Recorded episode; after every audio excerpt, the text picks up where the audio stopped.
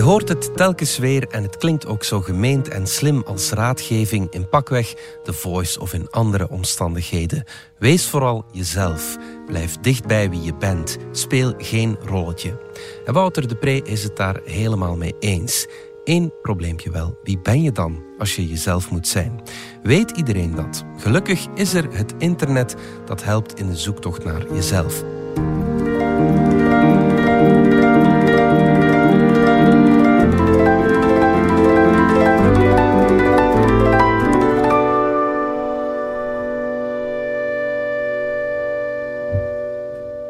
Merkte dat ik bij het lezen van het interview met actrice en schrijfster Suzanne Grotenhuis in de weekendkrant instemmend zat te knikken. Het viel Suzanne op dat haar man tijdens zijn depressie onder grote druk stond om zichzelf heruit te vinden, terwijl hij daar veel te moe voor was. Ook Suzanne's eigen zoektochten naar weten wie je bent, zodat je voor jezelf kunt zorgen, voor jezelf kunt opkomen en zorgen dat er niet over je grenzen wordt gegaan, putten haar uit en maakten haar vooral eenzaam. Uiteindelijk vond ze rust, troost en verbinding in simpele gesprekjes in het park, zelfs met vreemden. Jammer toch dat een in C boeiend onderwerp omgeven is door zoveel abracadabra en kwatsch. Ik besloot er toch nog één kans te geven. Ik typte jezelf zijn in de zoekbalk, op zoek naar opheldering.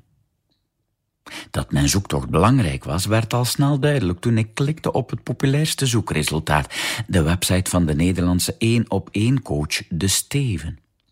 Wie niet zichzelf is, stelde de Steven, reageert immers verkrampt, geforceerd, onzeker en trekt zich terug. Met verhoogde hartslag las ik verder. Hoe kon ik mijn echte zelf leren te zijn? Zelfkennis was uitermate belangrijk, zei de Steven. Als je jezelf niet kent, kun je jezelf niet zijn. Hier raakte ik in de war. Hoe kan ik mezelf kennen als ik mezelf blijkbaar niet ben? Of is die zelfkennis misschien kennis van mijn onware zelf? Maar wie vertoont die zelfkennis dan? Mijn onware zelf of mijn ware zelf? Of is er nog een ik, los van de ware en onware zelf? Bovendien, zei de Steven, moest ik zelfacceptatie vertonen, een aanvaarding van mezelf, hoe ik ben. Maar als ik mezelf nog niet ken en niet weet wat ik moet kennen, en zelfs niet weet wie het moet kennen, hoe kan ik dan aanvaarden wat ik niet ken? Daarenboven had ik ook zelfvertrouwen nodig, schreef de Steven, mezelf durven te zijn, gewoon zijn wie ik ben en niets anders. Heel graag, de Steven, maar zelfs al heb ik het vertrouwen om mezelf te durven zijn, hoe kan ik mezelf zijn als ik niet weet wie ik echt ben? Ik kon het allemaal ontdekken via een persoonlijk ontwikkeltraject dat de Steven aanbood. Maar ik hoopte nog op een gratis oplossing en zocht soelaas bij het tweede meest populaire zoekresultaat op Google. Aha, de website jezelfzijn.be gaf me een ruwe locatiebepaling van mijn ware zelf. Kende ik mijn echte zelf nog niet, ik kon toch al op zoek. Je echte zelf zit diep van binnen, zei de website. Zou die echte zelf daar werkelijk en stoffelijk aanwezig zijn, vroeg ik me af. Had hij misschien zelfs een gewicht? Zou het ook 21 gram zijn, zoals het gewicht dat de Amerikaanse wetenschapper Duncan McDougall vaststelde voor de ziel na het wegen van stervende mensen? Nieuwe vragen en nog steeds heel weinig antwoorden. Misschien bij het volgende populaire zoekresultaat?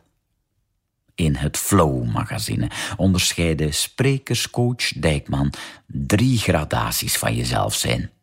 Ja, lap, dat bemoeilijkte de zaak nog.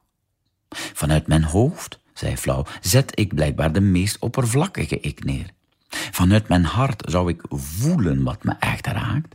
En je weet ook wie je bent vanuit je buik en je ingewanden. Nu staarde ik verslagen naar het scherm. De buik is diep van binnen, zoals jezelfzijn.be had voorspeld. Dus het zou kunnen kloppen dat mijn echte zelf inderdaad daar huist. Maar is die ik, die voelt vanuit het hart, een tussenstap naar een nog echtere ik, die dan weet vanuit de buik? Ken ik het verschil trouwens tussen voelen en weten? Of moet ik enkel afgaan op de locatie waar ik voel en weet? Ik voelde irritatie opkomen in mijn hoofd, hart, buik en ingewanden. Ik sloot de computer af en ging aardappelen schillen samen met mijn oudste zoon. Het werd uiteindelijk nog een mooie voormiddag.